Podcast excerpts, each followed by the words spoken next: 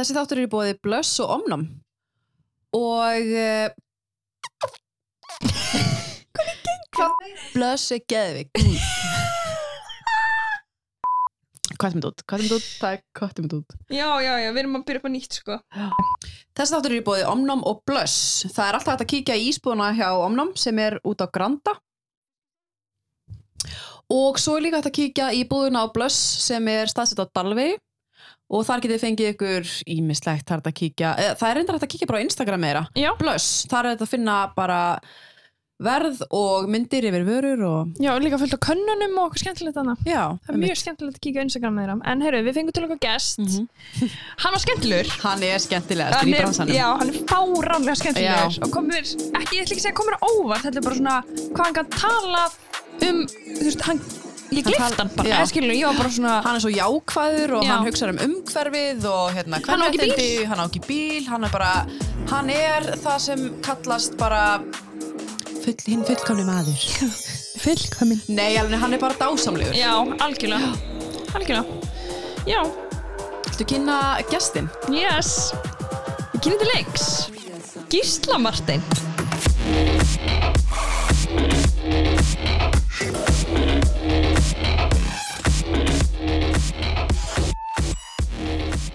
Herra, þá ætlum ég bara að bjóða þig velkomin í, í viðtalið Takk fyrir, Já, velkomin takk fyrir að bjóða mér. Herra, þú komst lappandi Ég kom lappandi, já. já. Já, þú, ert að, þú ert að hérna, þú ert svona umhverfis og Mikil, mikil reyni Pétur. Ég Já. er mikið að lappa út um allar trissur. Mm. Og, og tíðanbili hjólaði ég eiginlega allt og svo bara einhvern veginn riðgaði hjólum mitt í sundur Nú. og ég hefði keft mér það í köpen og það er ekki til svona alveg þessi gamaldags hjól eða ekki, ekki mikið úrvalaðum hérna á Íslandi þannig ég er að býða eftir því þegar við getum farið aftur til útlanda að mm, köpa með hjól. Já, geðveikt. þú vilt ekkert kaupa það hér Jú, jú, kannski ger ég það, en það var allavega lengi vel, ég held að sé eitthvað aðeins að breytast, það var ekki, það var eiginlega bara fjallahjól til sölu á Íslandi. Nú, Já, eða svona racer. Já, eða reysera, Já, sko, já, já. og ég vil hvorugt, ég vil bara svona það sem ég er uppréttur, með körfu helst með blóm í körfunni Já. Og bagett eða eitthvað til þess að vera alveg eins og, í rigningunni Klisja. og rigningunni og rókinu já, og svo hjóla ég mitt bara þegar það er sko sæmilegt veður, bara ef það er, ég er ekki svona hetja sem hjóla, þú veist, alla daga ársins, Nei, nei, nei og svo þegar ég mæti í rúf þegar er sko snjóstormur þá eru allir með eitthvað, nú ertu ekki hjólinu? En þú veist þá bara hef ég tekið annað strætó eða legara eða eitthvað. Já, ok. ok, ok. En Bara- er, ertu mikið á hérna raf hlaupahjólunum? Nei, eiginlega ekki neitt. Nei. Af því að ég er sko, ég er alltaf að sapna skrefum í þarna hjartaappið í símanum.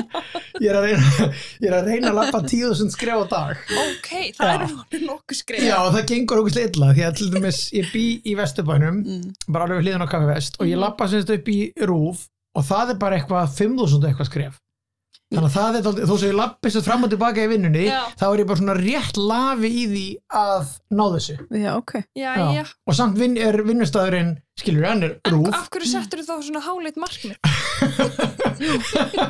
einmitt, þetta hefur verið kannski eitthvað að ræða markmiðsetninguna einmitt og ég er ekki að ná þessu markmiði en ég er að reyna, þú veist, ég er að bæta mig alveg ár frá ári. Já, alltaf að bæta nokkru skrefum við sem sagt að meðaltali skref per dag yfir Mm. árið Ég myndi, ég, þetta var ég, þá myndi ég byrja bara 800 skrifum sko. já, segð er, hérna, er það ástæðan fyrir að hérna, þú bara gafst upp alveg á bílnum bara umhverfislega Eh, séð sko, ég hef átt bíl annars lagið og Mm. við fjölskyldan og já, bara stundum verið bíllaus og stundum ekki og svo höfum við flutt til útlanda og þá erum við alltaf bíllaust þegar Mhm. við búum þar og svo komum við heim og kannski drífum ekki í því að kaupa nýjan bíl svo tíðanbili hérna fekk sko vala bílinn frá mömmu sinni sem hún var svona eiginlega hægt að nota þannig að við vorum á honum í smá tíma til að hann eiginlegðist og eitthvað svona Mhm. og hérna pappi fór oft til útlanda í janúar eftir hann retæraði þá mátti ég vera með bílinn hans í janúar þegar er einmitt vestu veðrin þannig að þetta svona bara rettaðist alltaf einhvern veginn Mhm. Og þú veist það að vera bíllaus er ekki eins og að vera hættur að drekka og að ef einhver sér mig að vera einhvern tíman á bíl þá sé ég bara fallin og muni aldrei fara út úr bílnum þetta er ekki þannig, þetta er bara svona einhver maður velur sér einhvern lífstíl og, og svona reynir að vera með hann. En Algjörlega. ég væri mjög mikið til í að væri hérna svona aðeins öflugra svona zipcar þið veit það sem maður getur verið í áskrift Já, já, á já. það er þannig mitt í Danmörku Já. já, og flesta og þetta er komið hérna en þetta er bara ekki alveg nógu öflugt Þetta er það komið hingað Já. þetta er Já. hérna sko og einhver, einhvers konar svona deili bílakerfi Já. og ég held mér í sig að hopp hérna rafskútunar það er einhver verið að pæli að búa til svona svoleiðis fyrir bíla. Ok, að því að stundum þarf maður að fara í IKEA Mhm. eða eitthvað Já. svona og þá er gott að geta verið á bíl og ég er alveg með bílpróf og allt það. Já, þú ert með bílpróf. Já, ég er með bílpróf já. Frábært. En þetta er svona einhver rótækni þess að hvort það væri umhverfis ástæður sko ég, ég, ég var ekkert að pæla í umhverfismálum einhvern veginn framan að ég bara hjólaði alltaf frekar mikið Mhm. bjóði breiðoltinu og var eitthvað að hjóla þú veist í háskólan og eitthvað svona Frá breiðoltinu, Já. í Háskóla Íslands já og það er meiri sér miklu minna mál heldur en það hljómar sko Nú, ok Það er svolítið leiðilegt á leiðinni upp Já, holtið ég til ætla að segja. baka Já. að ég var í hólunum sko þannig að það er alveg efst en náttúrulega niðrættir er mjög auðvelt bara Já. niður brekkuna og svo bara þú veit Elleðardalurinn, Fossvogsdalurinn bara En er maður þá ekki bara allan tíman bara í skólanum að kvíða fyrir að hjóla heim? Já, e, Nei, nei, Ekki? nei, nei þetta er einhvern veginn, þú veist þegar maður er 20 eða 21 eða 20 það er ekkert mál. Nei, já. Já, já. En svo er líka skemmt, svo ertu líka vegan eða ekki? Nei, ég er ekki vegan en ég borða ekki kjöt. Nei, þú borðar ekki Já, kjöt, þú ég, er, ég, er, ég er formlega held ég pescaterian því ég borða líka fisk. Enga saman með fiskum. Enga samúð með fiskum, nei. en mjög mikla samúð með, með dýrum. Já, og sérstaklega spendýrum. Og ég, ég var vegan á tímabili bara svona í samúðarskinni við dætu mínar sem voru báðar vegan. Já það? Já, Mm. Voru eða eru? Voru. Mhm. og sko fjölskyldan var á, á tímabili var ég bara að læta borðaði kjöt og allt. Mhm. og kona mín var pescaterian og dætunar voru vegan. Þannig að þetta var svona Ok. á mismunandi tröppugangi. Bara hvað var á bóðstofnum heima þá nefnilega vorum við oftast með bara vegan í matinn bara Já, hlaðborð. ok. Já, og svo fór ég bara út á Kaffe Vest til þess að hakka í mér ribba í en hérna en síðan bara einhvern veginn eiginlega bara tapaði ég rökræðinu um þetta Mm. að, að þú veist, það væri bara ekki réttlæðanlegt út af umhverfis ástæðum og siðferðis ástæðum að vera að borða kjöt og, og þá bara hætti ég því Og er það auðveldar en maður heldur? Já, mér, ef maður tekur bara út kjöt það er ekki neitt mál, Mhm. þú veist, þú getur fengið þér hambúrgara sem eru miklu betri heldur en kjötborgarar Mhm. og ef þú ætlar að grilla þá bara grillaru, þú veist, lax eða lúðu eða eitthvað geggjað, Mm, þú veist og þú, þú getur tekið þátt í öllu og það er ekkert erfitt að bjóða þér í mat eða neitt eða að fá annað fólk í mat og það þarf ekki að fytja í búið nefið að þeir eitthvað, einhver skrítin matur veist það bara fiskitakko, bara allir glæðir allir glaðir. Já. Bara Hún rækju er takko, það. bara besta takkoið Já, akkurat. Þannig að þetta, hefur, þetta er ekkert mál að taka kjötið út Mhm. og það er svona, þetta er eiginlega fyrst og fremst siðferðis ástæður en, en svo er þetta náttúrulega mjög gott fyrir umhverfið líka. Mhm. Mhm. Algjörlega. Eru hérna, eru dætuðina líka þær eru pescaterian? já, þær eru, en það er ákvaðu sem sagt að fara ekki að borða neitt fisk sem þær höfðu og þær voru náttúrulega tiltölu ungar þegar þær fóru í þetta, fóru ekki að borða neitt fisk sem þær borðuðu ekki áður. Veist, þannig að Já, það er, já, Það er borðað, þú veist, lax og bleikju eitthvað svona en, en sneiða hjá rækju og humri og eitthvað svona. Þetta er, er bínuflókið en veist, þær eru er eiginlega... Já, Já. það eru eiginlega grammitsætum með smá svona einhverjum fiski undantækningum. Ok, Já, betra að þið spyrja þær bara ef þið hittu þær Já, gerum En, en sem, sagt, sem talsmaður þeirra hér þá held ég að þetta sé cirka svona. Mhm. En þú ert eigandi Kaffi Vest. Já, einn af þeim. Já, hvað Já. eru þið mörg? Við erum þó nokkur sem eigum þetta en við erum sem sagt þrjú hjón sem að eigum helmingin og svona sjáum um allan daglega rekstur. Ok, Já, Hva, hvað var eftir að því húsinu já. áður? já þrenn hjón ætti ég að segja held ég. Já, þrenn. Þarna var sem sagt apotek Alveg og húsið er byggt sem Alveg apotek einhvern tíma 1950 eitthvað þá bara kemur einhver apotekari að austan, neskjöpstaðminni mig greinilega með sko rassvassan sko fullan af peningum að því að hann byggir þetta glæsilega hús Mhm. fær bara ógeðslega flottan arkitekt til þess að teikna það fyrir sig íbúðin hans uppi Nei, fyrir alla familjuna og Ok. tvær læknastofur þar líka sem var gengið inn þarna veist aðeins lengra en bröðukó það er átt að fara upp á læknastofur og svo bara íbúðin þeirra sem hefur á þeim tíma verið bara flottasta penthouse á landinu, Mhm. þú veist, Ok. mjög flott Já. og útsýn út á sjóin og allt og það er bara að bjó hann í mörg mörg ár og svo var sem sagt apotek á allri neðri hæðinni og einhver svona verksmiðja þið veit að það sem að íbúðunir eru núna þarna sem sagt kemur svona kálfur út frá já, Já, þar var svona einhver verksmiðja sem að hann var að búa til living ok. Mhm. Og þetta enda er bara hvað tíu ár síðan þetta lokar eða? Já, sko, Kaffi Vest síðan, sko, ég býði þarna við hliðina þannig að ég var að Mm. labba framhjá, ég sá að apotekki var alltaf að minka og minka þú veist, það var búið að stúka af eitthvað hluta af þessu, þetta var svo stórt að því að Mhm. voru ekki apotekari bara einhvern veginn að mixa lifin þarna bakvið eitthvað, þetta þurft að vera Mm. mjög stórt já. Mhm. og afgreifsluborðið var bara þú veist, þú labbaði ekkert inn eins og núna í apotekum og þannig held ég að verslun var almennt ég meina, þú fórst í ríkið þá komstu að svona búðaborði og Mhm. sagðir já, ég ætla að fá e- einn vodka eða Já, eitthvað, já, þú veist. já. og það var bara búðaborð og sama í mjölkurbúðum og öllu, þannig voru bara veslanir Mhm. og apotekið var bara þannig að þú labbaði bara þrjá metra inn og þar var bara búðaborð. Ok, og þannig, allt þannig bakvið að allt apotekið, öll, þessi að því að líka sem brauð og kóir, ekki bara sem kaffi vestir heldur öll hæðin var sem sagt undir apotekið Ok. mm og ég sé myndir á þessu, þetta er alveg gert af svaka metnaði og aðeinslegt sko svona, þið veitir, modernist hérna, Mm. allt í tekki og flott heitum sko Ok. en þessu var allir búið að henda þegar að við síðan byrjum að leia þarna Mm. hluta af húsnæðinu og apotekið minkaði sig og var þar sem brauð og kó er núna en svo hætti apotekið alveg og brauð og kó kom þangað inn og þið, og spratt bara hugmyndin bara upp úr þurru bara, Sko ég hef búin að segja í tíu ár við alla vini mína sem eru einhverju svona hérna frumkvöðlar og Mhm. entreprenörar og businessmenn, af því ég er það alls ekki. Ég hef búin að segja þið verðið að opna kaffihús í Vesturbænum, það er bara Vesturbærin er svo tilbúin fyrir þetta. Mm þannig að túrismin að aukast svo Já. mikið og þú veist maður hérna þó svo ég elski miðbæin þá nefndi maður ekki alltaf nýr í bæ. Maður gæti ekki eins og verið vissum að fá borð eða neitt sko. að við verðum að hafa stað í Vesturbænum sem við getum fengið okkur kaffi eða bjóra eitthvað. Og öll hverfið þurfa að hafa þannig. Mhm. og bara gerum þetta. Og svo gerði einhvern veginn enginn þetta þannig að við bara fórum í þetta sjálfur og, og byrjuðum bara þú veist, hérna, leik, gerðum leigusamningin og sögðum ok, við getum ekkert borgað fyrstu mánuðina. Töluðum einhverja smiði og sögðum þið getum ekkert fengið borgað fyrstu mánuðina.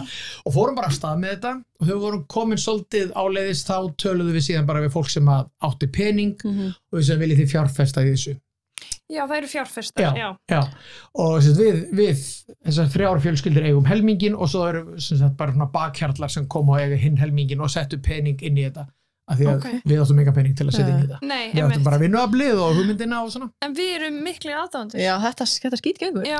það er gaman að heyra, takk já, já. og sko þetta gengur ekkert þannig þetta er, þetta er bara á nulli já, en er það en það ekki er alltaf yfirleitt fullt af fólki og það Já, er og gaman allir glaði líka. Já, Það er tvö, þrjú. Já, já, já. ummitt og ekki síst við sem erum sko að bakvið þetta við erum svo glöða því að þetta gerir bara líf okkar svo mikið betra Já, frábært. og hérna við sögum alltaf að þetta er bara samfélagsverkefni og þetta mun aldrei græða einhvern rosa pening þetta á að gera hverfið betra fyrir okkur sem að stundum að þessu og alla aðra Já, algjörlega Já. algjörlega. er ekki hérna, er bara búið að vera stedd í þú veist, svona fólk sem kemur og já það er rosa mikið fasta kúnar sko mm Mhm.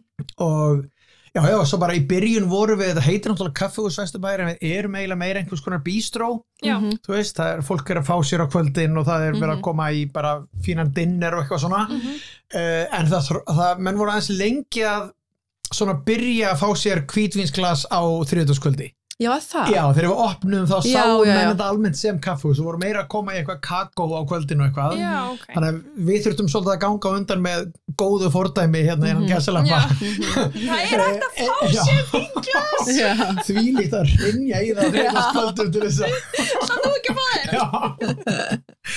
Nei, nei, þetta hefur bara svona gert bara, eh, þetta eru sjö ár síðan og bara þjóðfélagi hefur líka smá breyst og, og Mhm. hérna, þetta er bara einhver þróun. En það er mjög góður allavega, góður matur í hátteginu og... Mhm. Já, takk, það er okkur ekki vantum að heyra það og það hefur, hefur búið að vera, þú veist, það var það ekki alveg alltaf, þetta var svona smá hit and miss í byrjun, veist, stundum voru við rosa ánað með matinn og svo voru kannski einhverju réttir sem við okkur hægt ekki passa inn, Mhm. þannig að smám sama bara slípast þetta og við kunnum ekkert þegar við byrjuðum að reka svona. nei, nei, þetta ekki. Nei, það er alveg eðlilegt. Já, sumir sem stóð á baki þessu höfðu verið í, með keksið Mhm. sem var síðan bara allt annars konar rekstur, já, já, já, hann er keks kekshostel. já, Já, og var náttúrulega fyrst og fremst hostel þó svo Mhm. væri síðan svona, þú veist, bar. Bar niðri. Mhm.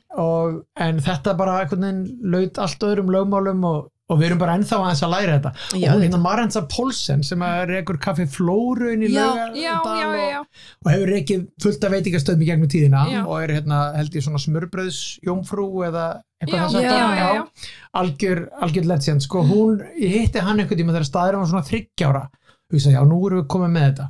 Þá sagði hún mig hérna já, hvernig gengur hún að kaffi vest og ég sagði bara ágætlega, bara þetta er alltaf að koma. Og sagði já, geðu þessu svona sjö ár. Þá, þá eru þið svona sirka farin að fatta þetta Er það málið? Já.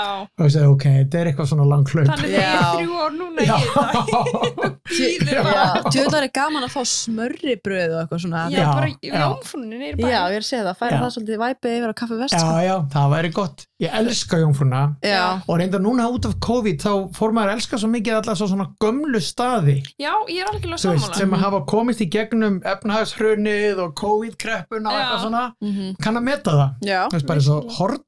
það þú veist, er bara búin að vera síðan 70s Já, Er það ennþá? Já, já, það er ennþá. Það er ennþá. og bara, þú veist, ef maður er þá eitthvað eða, afi, hvað Já. er þetta þú veist, þetta er bara fjölskyldubusiness eins og, eins og best gerist sko.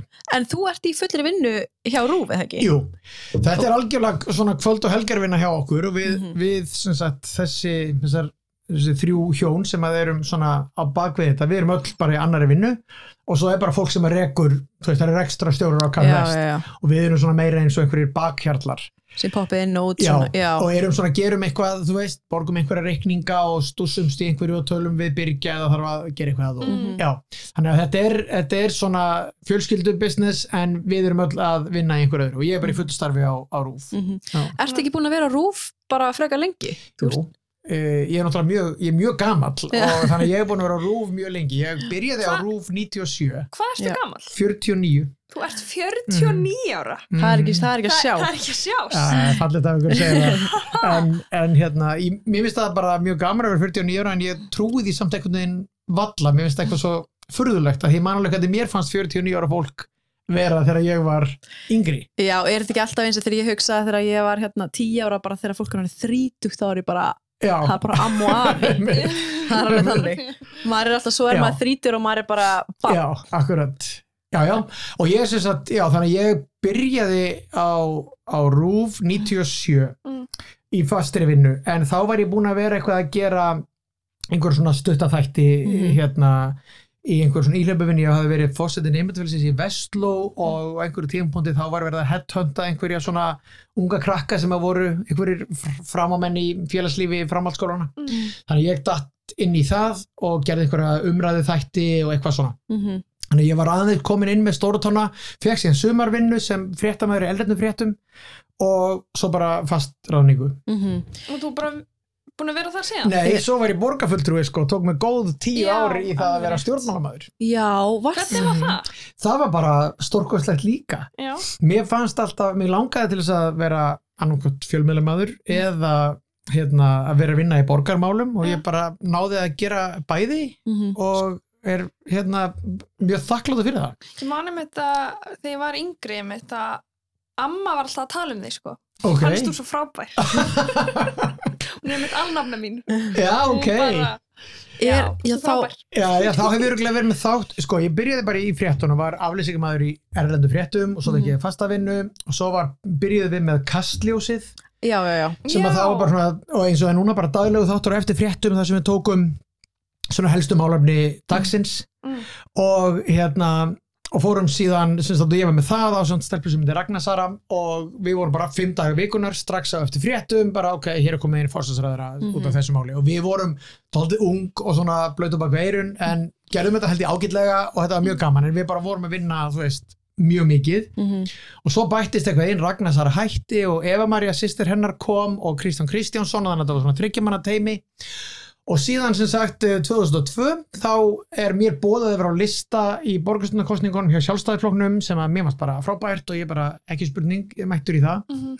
og, og hérna en ég var bara ekkert ofarlega þannig að sem sagt eftir fram og svo komst ég sem sagt var í varaborgarfulltrú og var ekki aðalborgarfulltrúi Mhm. og sjónvarpi vildi samt halda mér þannig að þá fekk ég svona skemmti þátt sem hétt lögutaskvöld með Gísla Martini Mhm. Mm. Ég man til þeim með mitt. Já, En er það ekki, þú veist, hérna, ef þú er, að er einhvers konar, þú mátt ekki vera jú, stjórnmála megin einhvers já, staðar. mjög góð spurning sko vegna þess að, vegna þess að þarna var ég sko, ég hefði ekki mátt vera aðalaborgarfulltrúi og ég var, var fyrsti varaborgarfulltrúi, var svona næstuði dottin inn en fekk síðan bara best of both worlds og þá voru einhver fordæmi fyrir því að þeir sem eru varaborgarfulltrúar voru jáfnvel fréttamenn einhvern tímann áður hafði það verið Já, ok. þannig að, já, að regluna bara voru þannig að ef þú værir vara ég get ekki ímynda mér að þetta sé svona núna Nei. en þau- ég mátti eins og ekki vera sko með kastljósi þannig ég fór ekki aftur í það heldur var ég með skemmti þátt Mhm. Ok. Já, ok, Já, þannig að þú ég varst ekki, ekki að taka svona málefni dagsins eða Eins og þú fréttin gætir sínt einhverjar... eins og þá get, þá Já, get ég verið skoðanir. hérna hlutrægur eða Já, eitthvað. já, já. en eru þetta ekki reglur ennþá hjá Rúf að hérna, þú mátt ekki segja skoðun þína Jú, þær eru miklu strángari núna og þær eru eiginlega bara eins og Helgi Seljan lendi í Mhm. að Já. sko að, að í siðareglum rúf kemur einhver kapli sem er þannig að, það er, að, að þeir sem vinna á rúf megi ekki tjá skoðunir sínar ekki einu svona samfélagsmiðlum Mhm. þegar þetta kom þá vorum við öll bara hmm, þetta stendst ekki einu þú veist, eh, neina skoðun fullt af lögfræðingum efuðust um að þetta stæðist hérna, tjáningafrelsis ákvæði Já. og geti bara tekið heilan vinnustáð og banna þeim að segja sína skoðun Einmitt. út á við Mhm. af því að, að, því að samfélagsmiðl er ekkit annað heldur en bara þú veist, það að taka þátt í einhverju fóreldrafélagi eða segja Einmitt. skoðun sínar einhver staður upp í svona hlaðvarpi eða eitthvað sko. Mhm. þannig að þetta er búið að vera mjög umdælt og er í endur skoðun núna Já, Ok. ok. Já. En má hann ekki, ef það er ekki þín skoðin heldur þú bara að varpa fram einhverju er það, það bara sama sem er ekki þarna á milli eða, sko, ég kann ekki nákvæmlega þetta en Samherji náttúrulega nýtti sér þetta gegn Helga Mhm. Sem mér fannst ekki vera ekki vera gott hjá þeim að gera. Og mér fannst þeir ekki, ekki stækka við það að nýta sér þetta. Þeir nýta sér þetta ákvæði sem að var búið að vera mjög umdeilt í síðarreglum rúf og hérna og sem, að, sem að enginn hefði sérst ég, ég skrif ekkit undir þær þegar ég byrjaði að vinna hjá rúf eða neitt og, en einhver samþykir þær og þetta verða síðarreglur rúf og ég, meina, ég held að ég hafi þverbrotið þær og ég er búin að segja oft á Twitter að, að ég brýt þær bara því að ég er að byggja um læri hámarsraða á hofsóttagutuna Já, og einmitt. hérna og ef að það er brot á siðareglum rúf og þetta er gata sem að þú veist dætu mín er að þetta lappa yfir til þess að fara í sund kemslu í, í melaskóla og eitthvað. Mhm. ef ég má gefa skoðun á því þú veist þá er eitthvað að þessum reglum Já, það Og- hlýtur að vera sérstaklega Já. það myndi líka þitt umhverfi. Ég segi það. Og þá bara máttu ekki taka þátt í, í eins og segi fóreldrafélögum eða, eða bara hverju sem er sko, þú veist hérna uh, af því að það er endalus, endalus hérna, málefni sem að eru pólitísk, ég meina máttu Algjörlega. ekki styðja réttindi samkynneðra þau eru pólitísk sumstæðir eins og við sjáum núna á Mhm. EM Einmitt. eða, eða hérna berjast gegn hlínun jarðar Mhm. þú veist, þarftu að vera algjörlega hlutlaus með það hvort að jörðin er að hlína eða ekki þú veist, ef þú vinnur hjá rúf er Já, það það sem er verið að segja Já. En það er svo mikið að þetta var bara frétt núna í apríl eða eitthvað 2021 það sem að hérna, það kemur bara á, ég manni hvort það hafi verið vísir en bjall eitthvað hérna bara Gísli Martin brýtur Já, síðareglur Alveg rétt. rúf. það var, var raunverulega út af hofsallagötunni Já, Já, einmitt. en það er ekkert langt síðan þetta var Nei, og þetta var svo sem ekki, það var bara einhver sem var að saka mig um það. Mhm, Uh, það var einhver varaborgarfulltrú í sjálfstæðarflokksins sem að Mhm. ég var sjálfur einu sinni. mhm. Uh, hún var eitthvað ósátt við það að ég væri að berjast fyrir því að það væri lægri hámarsræði þarna Mhm. uh, og hámarsræði er pólitíst mál eins og mjög margt annað Já. og hérna og ég vil að þessi lágur hraði í Reykjavíkuborg á Mhm. bílum Mhm. að, að því að það, Hérna það er fáum við sem sagt. ah, Já, þetta er það hvað þetta er tæknilegt hjá okkur Er það ekki? Jú. Ég, mest, ég veit ekkert hver Þórdís Pálsdóttir varaborgarfulltrú er en ég vissum að hún er bara dásamleg manneskja. En, en hérna hún sem sagt stökk á þetta sem að er í sjálfur sér ekkert rangt hjá henni. Mér Nei. finnst það bara hins vegar slaft hjá Já. stjórnmálamanni að bara taka frekar ekki. Já, frekar hann að reyna einhvern veginn að þakka niður í einhverjum sem er að reyna að fá lægri hámarsraða í hverfi sitt já. með því að eh, einhvern veginn óta að honum einhverjum siðareglum. Ég sérstaklega það sem þetta varða líka börnin og, já, já, og þetta, en fekk þetta einhverja, einhverja fó, gerðist eitthvað meira Nei. út frá þessu? nei það gerist ekkert Þetta var bara. Já, og ég er búin að segja margóft bara, þú veist, ég veit alveg að ég er að hafa skoðun á hlutum sem Mhm. að, hérna, þú veist, ég er bara skoðun á leiksvæðum barna Mhm. og ég reyndar að dætu mínir eru náttúrulega ekki lengur neinn börn, sko, en, Nei. ég, en ég tek þetta sem dæmi, ég, meni, ég vil kannski taka burtu einhver bílastæði og hafa frekar gróður eða, þú veist, loka einhverju götu og setja leiksvæði barna í þá, eða eitthvað svona Já. og þetta er rampolítist í borgarstjórn en þetta er bara líka ég að hafa skoðun á umhverju mínu Mhm. Já. og mér finnst einhvern veginn og, og mér finnst það að vera eitt af því sem er frábært við nútíman okkar mér finnst svo gott hvað margir er að taka þátt í að hafa áhrif á umhverfið sitt. Ég meina, þið með þessum þætti og, og fullt af fólki í hlaðvarpi eða bara fólk á Twitter eða Facebook eða eitthvað að reyna að þoka hlutunum í aðeins betri átt. Veist, eða bara fyrirtæki eins og þetta að vera með veist, hérna, þennan fána á veist, bara, er, og íþróttafólk er að taka hnið eða krjúpa fyrir íþróttaleiki veist, Lebron James, körfuboltamaður er bara mjög pólitískur og þetta er að gerast allstaðar Mhm.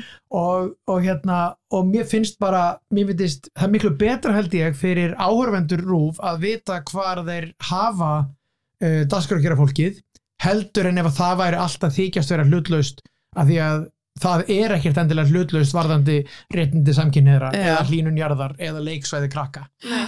þannig að það var bara betra held ég að það liggi fyrir Heldur en að vera einhverjum feluleik en ég sko ég skil alveg að auðvitað getur veist, ég get ekki verið borgarfulltrúi á sama tíma og ég er að gera vikuna. Þú veist, ég get ekki verið starfandi, ég má ekki vera að draga taum einhvers eins flokks. Algjörlega. eða vera algjörlega á móti einhverji mannesku og með einhverju annari þú veist, ég þarf að sína eigin domgrind Mhm. en, en hérna en þú veist, það að taka þátt í svona einhverjum samfélagsmálum finnst mér ekki eigi að dæma fólk úr leik. Nei, Nei, en það er líka bara hver er einhver hlutlus, ég menna hver er bara hlutlus einstaklingur sem á morgunblæða vísi eða fréttamela akkurat, er, já, já. einmitt, að sjálfsögðu ekki. Og ég meina margir bara eins og eigundum okkans voru bara í útgerðinni og eru útgerðin. Mm. þannig að þau eru ekkit að leina því. En það gilda þetta strángri reglur um rúf Mhm, Já. bæði rúf á Íslandi og almanna útvarp allstaðar mhm, og þetta hefur verið bara mjög mikið í umræðinni það er sko íþróttafréttamaður á eða já, hann er kannski meira en íþróttafréttamaður en bara sem sagt daskarugera á BBC sem heitir Gary Lineker. Já, frábær fótboltamaður líka. Hann er mjög um, sem sagt uh, já, hann er, hann er á Twitter og með mjög mikið followerum og er mjög uh, pólitískur í málumnum innflytjanda Ok. uh, og alls konar svona réttindamálum mhm, en hann er ekkert annarkvort verkamannaflokkurinn eða íhaldsflokkurinn en hann bara lætur sig alls konar mikilvæg málumni varða. Núna er hann að tala um geðhelbriðismáli í íþróttum að því að þú veist það eru tenniskona sem dróð sig út að því að þú veist hún var ósátt við gaggrinni sem hún var að fá þá var hann að taka þátt í þessu öllu Já. Og þetta er bara, þú veist eh, hérna skiptir máli og, og það væri fáránlegt ef að BBC myndi banna hona þetta en þessi umræð er í gangi þar líka út af skoðunum hans já, ok já, heimurinn vilja er ekki verða allur svo pólitískur Já.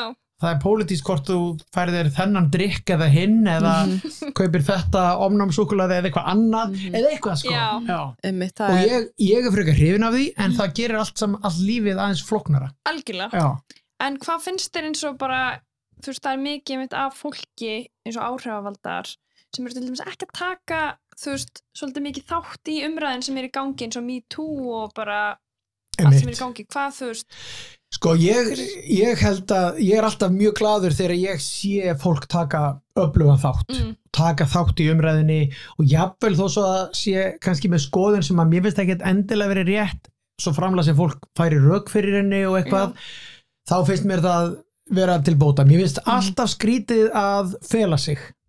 Mhm, Þess, það kemur einhver, það er einhver, það er einhver mál í gangi og, og hérna og, uh, og menn þóra ekki inn í hana. Mm, mhm.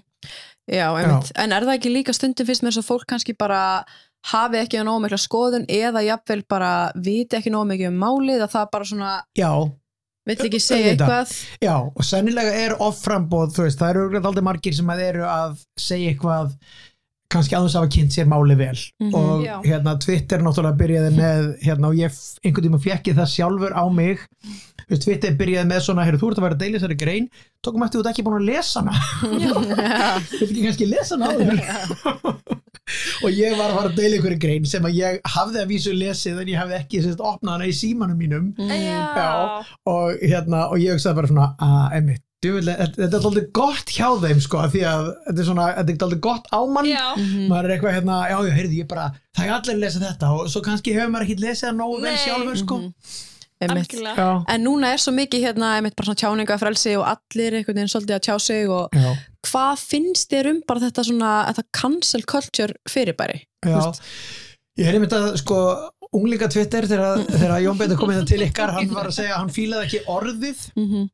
Og ég held að það sé kannski alveg rétt það er orðið daldi hlaðið kannski Mm -hmm. uh, mér finnst sjálfum þú veist það kannski skrítið að segja það núna þegar að mjög margir upplifa örgulega bæði auði og yngo hafi verið kanselerað en ef við tökum þá aðeins út fyrir sviga því að þeirra mál er í gangi akkurat núna já, já. Mm. hefur einhverjum verið kanselerað á Íslandi? Hefur einhverju bók eða mannesku verið einhvern veginn rækilega kanselerað eitthvað á samfélagsmiðlum? Þú Veist, ég, ég hef alveg séð við það sem er verið að gaggrina fólk Mhm. fyrir eitthvað. Það er alveg stíf umræða um alls konar fólk og gaggríni og svona hérna, já, bara verið að segja ok, ég ætla ekki að mæta á þetta ég ætla ekki að kaupa þessa bók eða eitthvað svoleiðis Mhm. Bæði um Íslandinga og útlendinga bara sniðganga já, Mm. og það hefur alltaf verið til Mhm. það var hétt áður boykott eða eitthvað sko en, en hérna en núna, þú veist, núna segja bara menni að þú ert cancelled fyrir mér eða eitthvað svona sem er, sem er í hálfkæringi sagt en líka Mhm. verið að meina það Mm. uh, en í alvöru tala þá sé ég ekki að þetta sé svona svakalegt vandamál að fólk með síma sem að kannski er unglingatwitter eins og Jón Bjarni Mhm.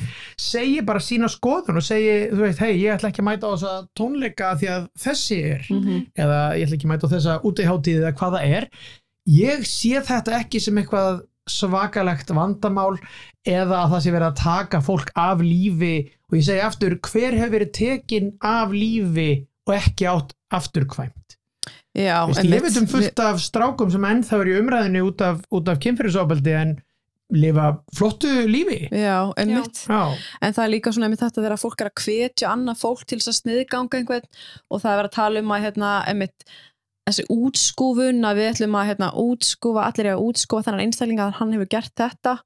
Einmitt, eins og þú segir, ég hef ekki séð það. Nei, En- ég sé þetta ekki sem þetta Nei. risa stóra vandamál. Auðvitað er það alltaf vandamál ef að fólk fer offari einhvers staðar eða er dónulegt eða gerir eitthvað af sér á, á netinu og Mhm. fullt af fólki gerir það í kommentakerfum mest þar held ég en, en líka annars staðar og, og þeir sem eru hrættastir við cancelkultur eru hrættastir við Twitter Mhm. en er einhvern veginn ekki hrættir við kommentakerfin sem að Já. þó eru miklu ljótari Já, þannig að Miklu. þetta er alls konar og, Mm. og hérna og ég, ég held að það sé bara gott að fólk sem áður var valdalust Mhm. uh, sé núna komið með þetta tæki ég meina að transfólk vil innan gæsalapa kanselera J.K. Rowling Mhm. með því að hætta að lesa Harry Potter mér finnst það ekki stórkustætt vandamál þau eru Nei. ósátt við skoðanir J.K. Mhm. Rowling Já. uh, og, og það er bara hægt að debattera það hvort að þær hafi verið í lægi eða ekki en það að krakkar sem, að voru, sem elskuðu Harry Potter í gamla dag að segja nei, ég, ætla, ég er hægt að lesa Harry Potter bakinu mínar er, það, það er ekki rosalega vandamál málið er náttúrulega bara að, að feðraveldi í gegnum tíðina eða ráðandi aðalir í gegnum tíðina hafa kanselerað konum svörtu fólki á þann hátt að, að þessir hópar hafa ekki haft kostningar rétt eða Mhm. hafa kanselerað flótta fólki þannig að þeim er vísað úr landi Mhm. eða þú veist, tekið valda minni hópana og kanselerað þeim á þann hátt sem að þeim hefur sínst. Mhm. Já. Núna eru þessir hópar að fá rödd og ég er að sjálfsögðu í þessum forréttindahópi Mhm. sem hefur alltaf ráðið öllu Mhm. þú veist, miðaldra hvítur kall en núna eru valda minni hópar komnir með einhver tæki sem eru meðal samfélagsmiðlar Mhm. Tala nú ekki um fatla fólk líka falla fólk nákvæmlega og, og það er eins og við eh, þú veist, ég og jafnaldra mínir séum eitthvað hrætt við þetta og Mhm. þá allt í hennu er, er cancelkultúrun orður rosalega hættulegur Mhm. þú veist, þegar við erum búin að vera cancelera veist, heilu löndunum og alls konar Já. En, Mhm. en nú beinast bjótin að okkur og þá þarf virkilega að taka til í þessum málaflokki. Já. Þetta var nákvæmlega sem við vorum með hérna, Freyju Haralds í viðtali líka sem hún var að segja með þetta hérna, að fólk er held ég bara hrætt við það að sé verið að taka völdin af þeim loksins núna. Já, Já. að hérna, minni hlutu hópa séu aldrei búin að vera með völd og svo núna eru þau að koma upp á yfirborðið já, og það er bara einhver hræðsla. Emitt og mér finnst það svolítið góð líking sko að hérna, þetta er bara hræðsla. Ég hef hugsað það og ég meina og ég hef alveg sjálfur verið bara að býta hvað er nú að gerast? Mm þú veist bara sem að jáfnvel hvort sem það bendist að mér eða ekki bara hlutir eins og fríða nippul Mhm. þú veist ég átti akkurat unglingstætur þá og ég var bara eitthvað sus sus sus hvað? En þú veist svo er það bara útskýrt fyrir manni Já. og þá bara fattum maður já ok þetta er hugsunin. Já. Að vera að opna hugsun líka Já. þegar maður fær síðan, þegar maður eitthvað. Já. Og þegar eitthvað síðan kemur og útskýrir fyrir manni að maður sé maður opna hug Já. og tilbúin að Mhm. taka móti í sko. já og það er bara stundum erfitt fyrir, fyrir þú veist gamla hunda Mhm. en Algjörlega. ég er með, það, það er einum ástofan fyrir að ég er aldrei hrifin af Twitter sem samfélagsmiðli þó svo hann sé ekki fullkomi frekar en aðrir Mm. að því að það er aldrei gott að hlusta þar Mhm. og þú veist, og ég fylgi ég reyna að fylgja fólki sem ég þekki ekkit endilega og svo bara sé ég að þau eru að segja eitthvað áhugavert þarna Mm. og oft eitthvað sem að brýtur niður einhverja veggi sem ég var með í hausnum Já. um alls konar aktivisma bara til dæmis föllunur aktivismi sem var á tímabili mjög sterkur á Twitter og ég lærði mjög mikið af Mhm. sama með sko trans samfélagið sem var líka mjög ábyrjandi á Twitter og ég lærði mjög mikið af Mhm. Veist, ég tók einhverja gesti inn í vikuna sem að trans samfélagið var ósátt við og ég bara tók umræðuna við þau bæði prívat og ofinberlega til þess að reyna að læra býta af hverju ég vissi ekki að ég ætti ekki að taka þessa mannesku Mhm. og svo er það eitthvað sem var kannski umdeilt inn í þeirra samfélagi þannig að þetta er ekki eitthvað frábært dæmi en, en þú veist, maður bara verður að reyna að læra aðeins af því að Akkurat. rosalega ólíklegt að heimsmyndin sem að ég læriði utan bókar þegar ég var 18 ára verði bara áfram alla tíð Mhm. Einmitt. Það er einmitt góða punktu. Freyja saði einmitt við okkur að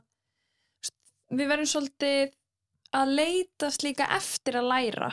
já, Þú veist, það er ekki bara stundum, jú, auðvitað kemur eitthvað póstur upp á Instagram og þú veist, við sjáum þetta bara ekki alltaf, þannig maður þarf einhvern veginn sjálfur svolítið að líta innra við og leitast eftir að læra. nákvæmlega Mhm.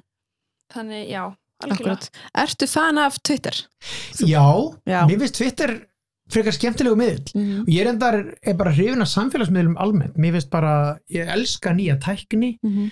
og hérna, þú veist, ég er bara allt svona sem er að gerast eh, bara eins og hérna hoppdótið og þú bara með síman og, og borgar allt í síman og mér finnst þetta allt saman frábært Mhm. og það fylgja svo alls konar vandamál eins og því að það við rætt sko um fölsun rafrætna skilríkja Já, og allt já. þetta og hérna en, en ég meina við leysum þau bara og ég hef bara ég hef bara óbyrlandi trú á á allir tækni og Twitter mun einhvern tíma degja sem samfélagsmiðl og þá kemur eitthvað annað Mhm. mér skilst að, að eitthvað fólk sem er mjög mikið inn í öllu er á okkur um telegram og eitthvað og ég er ekki komið þangað og svo verður ég að hugsa um daginn verði ég ekki að fara að drífa mig á TikTok af því það er eitthvað sem margt gott að gera Þú ert ekki eins og Simmi Vil sem er komin á TikTok eða? Er hann komin að TikTok? Já, já, já. Hann er náttúrulega miklu framsýndið en ég sko að- En ég syns að ég, mér, mér finnst gaman að kynna mér þetta og, Já. og jafnvel þó sem að það sé eitthvað klaufalegur í byrjun að bara reyna smám saman að Mhm. Maður þarf Að- bara eitthvað fyrkt í þessu. Já, Ég er nefnilega svolítið svo, ég er einmitt á TikTok sko, ég get þetta ekki. Það. TikTok er svolítið unga,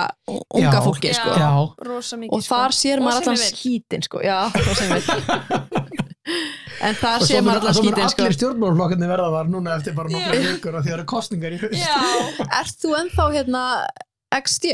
Nei, nei, Nei. Sé, ég er ekki skráður í nei og ég veit til dæmis ekki hvað ég á að kjósa í, í haust mm og að því að, að spyrðu um sko XD, Mm. að því ég náttúrulega var í frambóðu fyrir þann ágæta flokk og að fullta vinum þar og mér finnst mjög margir þar að vera frábærir Mhm. og ég svona fór inn í það aðeins að því að ég, ég var náttúrulega bara svona mjög frjálslindur í öllum skoðunum Mm. og sem sagt það er alltaf aðeins erfitt með sko að vera frjálshyggjumæður eða vera frjálslindur Mhm. til að hluta til það sama en að hluta til ekki og ég var bara einhvern veginn kom út úr Vestló og var bara, þú veist, vildi bara sem allra mest frelsi og, og líka í, þú veist, eins og mér fannst réttindi samkynniðar að vera svo mikill no-brainer bara, byrju hvernig getur, þú veist, ég var alveg á móti öllu svona valdbóði frá ríkinu og mér fannst þess að jafnbreytismál myndi bara leysa sér sjálfkrafa ef að ríkið væri bara nógu lítið og eitthvað svona Mhm. sem er svona smá hérna, graftarkílisleg hérna, skoðun eða svona unglingabólu uh, skoðun á, á lífinu af því að svo bara eignast með börn og svona maður sér hlutina aðeins öðruvísi að Mhm. þetta er ekki, það, þú veist það voru ekki allir með jafn góða forgjöf og ég kannski í lífinu sem bara, þú veist einhver Mhm. gaur í, í þú veist, ófallaður og alls konar Mhm. Þannig að, hérna, þannig að ég hef svona bara þroskast með þetta en, en hluti af sjálfstæðarfloknum er mjög frjálslindur og finnst mér vera með mjög flotta, flottar skoðanir en mér finnst bara aðrir flokkar vera með það líka Mhm. og hérna, þess vegna veit ég ekkert hvað ég á að kjósa En þú ert, þú ert linduð í að hérna, vilja fá breytingu á stjórnarskráni, eða ekki? ég vil margar breytir á stjórnarskráni Mhm. já, Mhm. hvort ég vil nákvæmlega það sem er kallað nýja stjórnarskráin sem er ekki alveg eitt plagg uh, veit ég ekki alveg, ég held ég myndi vilja frekar einhverja bara breytingar á þeirri gömlu Mhm. en ég væri miklu vandræðum að svara því ef ég ætti að svara hvort viltu gömlu án breytinga eða nýju. Já, já, ég skil. að því að gamla án breytinga er mjög vond. Já, veist, þannig að það er ekki það er engin íhaldsemi í mér eitthvað eins og mjög margir tala eins og bara þú veist, bandar ekki menn tala um sína stjórnarskrá eitthvað bara founding fathers eitthvað, þetta er ekki þannig, þetta er bara eitthvað plagg sem að er ekki lengur og var aldrei kannski alveg nógu mikið í lagi. Mhm, þannig að, hérna, þannig að ég vil alls ekki að hún liggi óbreytt og mér finnst glata að þetta verði ekki tekið upp á alþingi að ég vil vita hvaða skoðunir einstaka þingmenn hafa á þessu. Mhm. Já, Já, ég sá um þetta að þú, þú hérna tweetaðir um þetta og taggaðir áslöðurnu og, já, og hérna konuna í samfélkingunum, mann ekki hvað hann heitir Helgavala. Og þar var einhvern veginn engin svör og Nei. allt var eitthvað voða hérna, Já. óðið og Mér finnst nefnilega frábært þegar stjórnmálamenn eru á Twitter já. eða samfélagsmiðlum og svara mhm, og hérna, þó svo stundum fáið þeir, séu þeir svolítið brendir samanber Bjarni Ben og Bassi með ras. En, en, hérna, en, en það sem Bjarni sagði þar var allt í fínu, hann sagði eitthvað, þú veist, opið fyrir öllum hugmyndum. Já, en Bassi er náttúrulega bara engum líkur þannig að hann tók, það bara þókað sem hann vildi. En, en hérna, mér finnst frábært hjá Bjarni að svara þessu eða, Mhm. eða Deja Gertz eða svo Katrín svarar ekki það mikið, þú veist maður ímynda sér að hún myndi ekki gera mikið annað mhm, ef hún væri að þessu. En ég minn eins og Helga Vala og bara margi margi fleiri sem eru þarna og, og taka þátt í umræðinni mhm, og fylgjast líka með henni. Já, Þórdís fylgjast með Kolbrún henni. og Áslaug, þær eru báðar döglegar þarna. Mhm, og mér finnst reyndar og hérna, ég veit að þið eru báða konur og ég er ekki að þykjast, ég er ekki að skora stig hjá ykkur þegar ég segi að mér finnst frjálslindis um, svona já, mér finnst hérna bestu frjálslindis postularnir á þinginu mjög gjarnan vera þessar konur í flokkonum mhm, uh, ég meina, ég nefni hérna Á- Áslaugu Örnu og Þórdísi, ég er mjög hrifin af þeim báðum. Mhm, ég er líka mjög hrifin af, af hérna, Katrínu Jakobs og Svandísi Svavars Mhm. sem eru þau með mjög ólíkar skoðanir við Þórdísi. En þessar allar eru það eru allar frjálslindar eins og ég skil það hugtak, ég meina Svandi Svavarsdóttir leggur til afglæpavæðingu fíknefna sem er mikið frjálslindismál Mhm. sem sko þegar ég var ungur hefði verið frjálsíkjumenn sem hefði komið með það mál.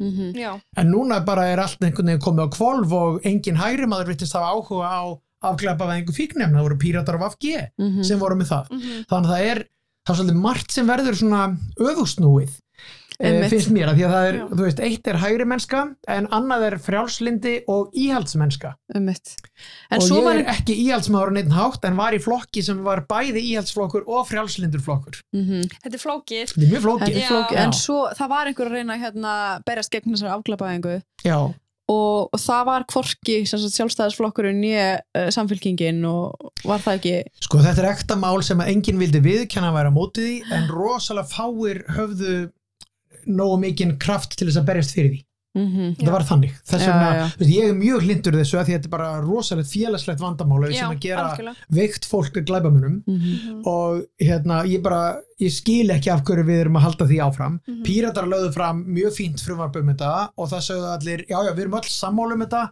en þetta frumvarp er bara ekki alveg nógu gott þannig að við komum með setna, sagði ríkistjórnin svo kemur ríkistjórnin með það og þá einhvern veginn bara, nei, býðum aðeins með þetta mhm, og mér finnst það ekki gott að því að mér finnst oft eins og stjórnmálamenn ætli sér að hafa ómikinn tíma og segja já já þetta mun einhver tíman verða í lagi, flugullurinn fer einhver tíman eða þú veist, við munum einhver tíman afglæpa við fíknefni þú vilt í burtu? Mm strax í dag.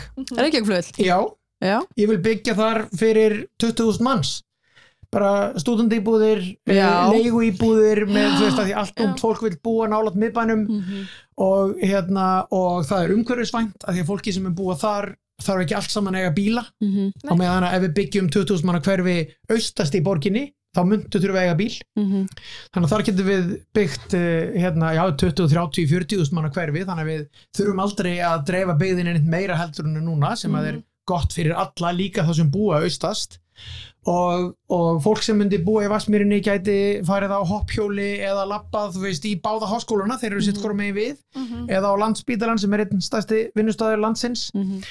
og þetta er allt slétt að þið bygguðu báðir í köpun sko, þetta er svona litla köpun Já, það var ekki að Já. Það var að hjóla allt og ummitt og þetta er, þetta er hérna, það er komið skipulag, það er náttúrulega svolítið verið að byggja í Vassmýrinni núna Mhm. Menna, valssvæðið er, Mhm. er með fullt af æðislegum íbúðum þá komum við stúdendagarðar fyrir Mhm. HR þar við hliðina, Mhm. þú veist það er verið að byggja hérna kringu grósku og þar það svæði allt saman og svo er að fara að koma hverfi niður í skerjó sem sagt á rauninni hinum endanum á neyðarbrautinni svo kallu Já, ok. það er að fara að koma risastort hverfi sem ég held að verði frábært líka Þetta er bara hliðin á HR, er það ekki? Jú, en hinum er við flugbrautina samt það Já, er HR, svo kemur flugbrautin Já. og þá er þetta hverfi Þetta er bara Grósku þar. alveg, já, nei, þetta er sko við hliðin á stóra skerjó Já, Þið? Vitið, það kom svona tvær Já, það sem að skerja ver er og það allt saman. Þar er sem sagt þar við hliðina er að fara að koma risastótt hverfi. Þannig að það er alveg byrjað að byggja í Vassmýrinni en og smám saman náttúrulega mun flugullinu þurfa að fara því að hann er heldur ekki með nógu mikið pláss fyrir sig. Þú veist það þarf að endalast að vera að höggva einhver tré í öskjuhlíðina því þau eru í flugleið. Það þarf að setja upp risastór flugmöstur á ægisíðuna þú veist Já. sem er bara náttúruperla. Að því flugullinu kemst ekkert fyrir. En hver, hvert mynd að fara? hann, það er bara að finna einhvern stað fyrir hann. Hann gæti farið til Keflavíkur og við værum bara með eitt flugvöld sem væri bæði innanlands og millilanda. Þú veist, Íslendingar fara oftar til útlanda heldur en í innanlandsflug. Já, og þá væri náttúrulega hægt að setja bara einhverja lest á milli eða eitthvað þannig til Já. þess að þeir sem eru að koma frá Akureyri væri fljótir að komast. Mhm. uh, og svo þarf að finna einhverja laust með sjúkraflugið. Uh, mest akút sjúkraflugin fara náttúrulega með þyrlu. Hún mun lenda bara ofan á landsbítalanum sem er verið að byggja núna. Já. Veist, að þetta er bara allt út Mhm. mm. hérna, úrvinnsluatriði Mhm. og það var mjög margar borgir flutt flugvöldinu sína út úr miðborgum alveg svo menn einu sinni voru allar svona stórar fisk, sjávarhafnir voru onni miðbæ Mhm. en eru komnar eitthvað annað núna. Þú veist, okkar, okkar hérna höfn sem er núna einhvers staðar niður í lauganesi Mhm. hún var einu sinni í bæ en við bara fluttum hana því hún passar ekki lengur onni miðbæ Mhm. það er saman með hennar flugvöld Mætti bara, hana meira segja líka nákvæmlega sko, Mm. akkurat. Haldur bara áfram með hana já, já, Akkurat. þannig að já, já, mér finnst þetta að vera mjög mikið atriði. Mm. ekki að því ég hati flugvöldin mér finnst, gaman að, að flugvöldum og flugi og allt það. Ég, ég var mér segja flugfreyja einu sinni sko, Já, er það? já, hjá Spenni Atlanta. beltin og... já, var, var hann nýri Sáti Arbíu í einhverja átta mánuði? Já, ok. í jú, Þú getur alveg pumpað upp vestið. ég get pumpað vesti og, og blow the tubes Já. og, hérna, og allt þetta þesta Geggjað. já, já. þannig að hérna, mér finnst alveg gaman að, að flugi og allt það en hann bara getur ekki verið nýri í miðbæ veist, Það tekur sem allt of að- mikið pláss þar sem við gætum verið með bara þú veist, 20-30 mann sem byggju þar Mhm. og það væri það umhverfisvænasta sem sem við myndum gera sko. Þú veist, við bara við myndum lækka svo mikið CO2 frá höfuborginni að, að, hérna, að við værum bara hetjur á alþjóðavísu. Ég mynd bí hana í gamla vesturbænum, maður er alveg fær stundum alveg flugvelina yfir sig, sko. já, Smá já, Já. Eitt, sem ég var að hugsa að, að þú sagðist fyrir stjórnmálum og hérna í sjálfstæðarflokkum eru þið sigmynda við einhverju vinir? Við vorum vinnir Þið voru vinir? Já, já, og við erum engir vinnir í dag en við erum engir óvinnir heldur. Alltaf ef ég hitt hann þá spyr ég hvernig hann alltaf komið í vikuna. Já, og kannski kemur hann í haust það Kannski og svona það, er það var nefnilega, ég held að ég hafi aldrei séð jafn skemmtilegt viðtal í lífi minu þegar þetta Hvað er fjastbyringin? Hún er þetta baka því Er það? Það var kannski... að play Þannig að þú lítur þannig á að hann sé það pólitískur að þú verður að koma með þína pólitík inn á móti. Er það þannig? Nei, þetta er að vera svolítið undarlegt viðtal. sko, í fyrsta lagi... En af hverju- hverju þarftu að setja bara- menn inn? Þá var ég bara að benda þér að þú væri eins og kannski hætti aðeins til svona framan í Þetta, viðtalið þetta, að þetta, oftúlka. þetta viðtal snýst ekki mig, Sigmundur Davíð. Við Jó, það, er nefnilega farið að gera svolítið mikið. Nei, Af því þú ert alltaf að segja þínar skoðanir og túlka hvernig þú sér hlutina. Nei, það eru konar fréttir hérna í fjölmiðlega um það að þú ætlar að setja tvo menn inn í Sæðlabankan sem þú ætlar að velja. Og það kemur, hefur líka komið fram hefur líka komið fram að þú ert óanaði með það ætla að velja. Ég- ég var bara að segja að stjórnvöld já, hvernig. Sæðlabankin hagar sér. En mér finnst þú vera að nýta það, þú ert að segja, já, ok, þeir gera þetta, þá ætla ég bara að gera það líka. Þú ert að segja það. Nei. En för, förum ég, jú, jú, þú ert að því. Nei, þú ert að því. þá- nei, Jú, jú, nei, víst. nei, En, en ég ætla að fara nei. næst, ég ætla að fara næstu spurningu. Herðu, þú segir mér Eitt- ekki eitt af svo- því- bíddu, bíddu, eitt- rólegur, ekki eitt- smá. Nei, nei, Þú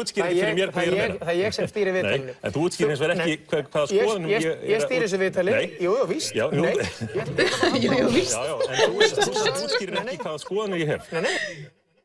Hvað, er, hvað fyrir gegnum hausna er þetta? Sko þetta Mástu reyður? Nei, ég var ekkit reyður en hérna, ég held að hann hafi ekkit verið reyður heldur Nei. en þarna var ég sem sagt búin að horfa á fullt fullt af viðtölu sem hann hafði verið í áður Já. uh, og hann hafði verið að tala okkur viðskiptaþingi rétt áður og mér hafði fundist hann komast upp með það að að endur orða spurningarnar. Að sem sagt uh, að þegar, þegar að eins og þið myndu spyrja mig einhverju og ég myndi alltaf segja já já sko þið geta alveg spurt að þessu en fyrst er mjög mikilvægt að taka fram. Og eitthvað svona Já, svo já, myndi já. ég aldrei svara spurningunni.